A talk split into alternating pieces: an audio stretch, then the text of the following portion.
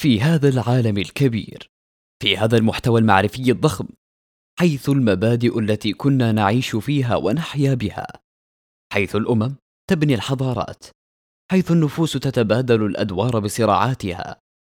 نجد بين هذا وذاك ما يكدر صفونا ويغير تعابيرنا للسيء وبعدها للأسوأ. كنت يوما في الريتس مول بمدينة جدة حيث كنت أتداول الزيارة لهذا المكان بين وقت وآخر. ولكني كنت أتهرب الزيارة في أوقات الذروة. ليأتي ذلك اليوم الذي بهت فيه وتفاجأت بما رأيت لم يكن وضعا طبيعيا. فنحن أمة محافظة ومجتمع ذا مبادئ وقربنا للدين وترابطنا باسلامنا جعلني أكثر مفاجأة. رأيت عددا غفيرا من أولئك القوم والذين أسموا أنفسهم شبابا.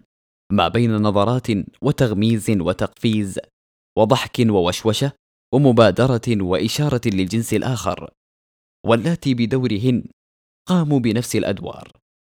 ونفس التغميز وتلك النظرات. وهذا ما لم أراه وأسمعه في أي من المجتمعات الخارجية رغم وجودها فعلا. ولكن هذا المنظر وهذا العدد يشعرني بسؤال دب في داخلي. كان قويا لدرجة أني أتمنى الإجابة عليه. يا ولدي ما لك أخت؟ يا بنت فين أهلك؟ يا ناس هذول فين أهاليهم؟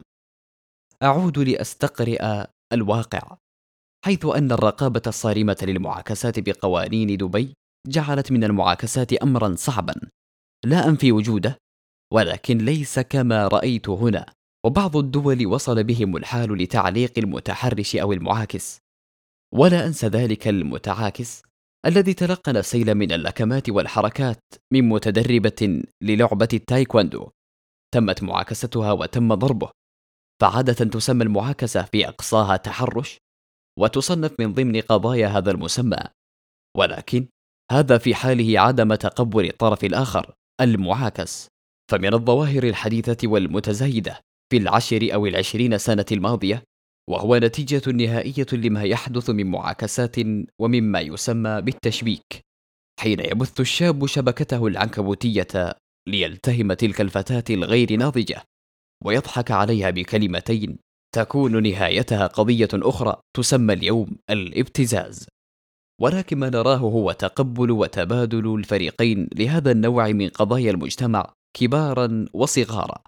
فإني فعلا أحلف أني رأيت شبابا صغارا بالكاد شواربهم تظهر على حافة أفواههم ورأيت صبايا بمعنى الكلمة صغيرات لا يعرفن ما هي الدنيا وما هو مسماها الحقيقي حيث لذة الشيء وقتية ومتعتها ليست أبدية.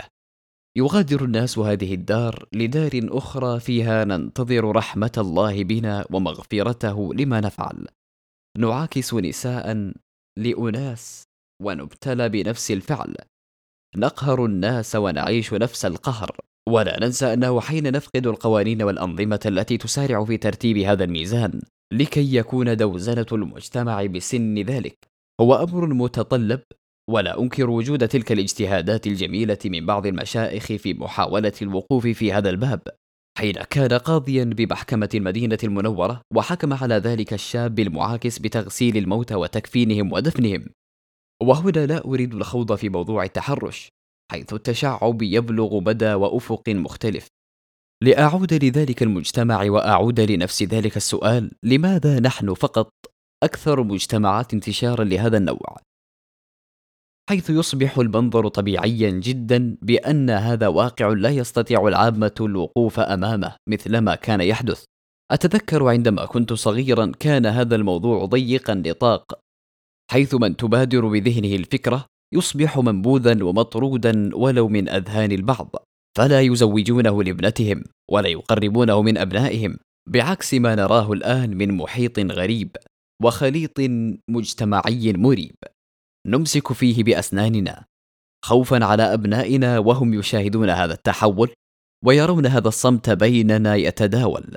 وأخيرا لا أطيل كانت مجرد خاطرة وأتمنى من الله أن يرسل من لديه تلك البادرة التي تعيد لذلك المجتمع تلك القوة التي كان عليها بديهة وفراسة وعلما وفهما وقوة إرادة.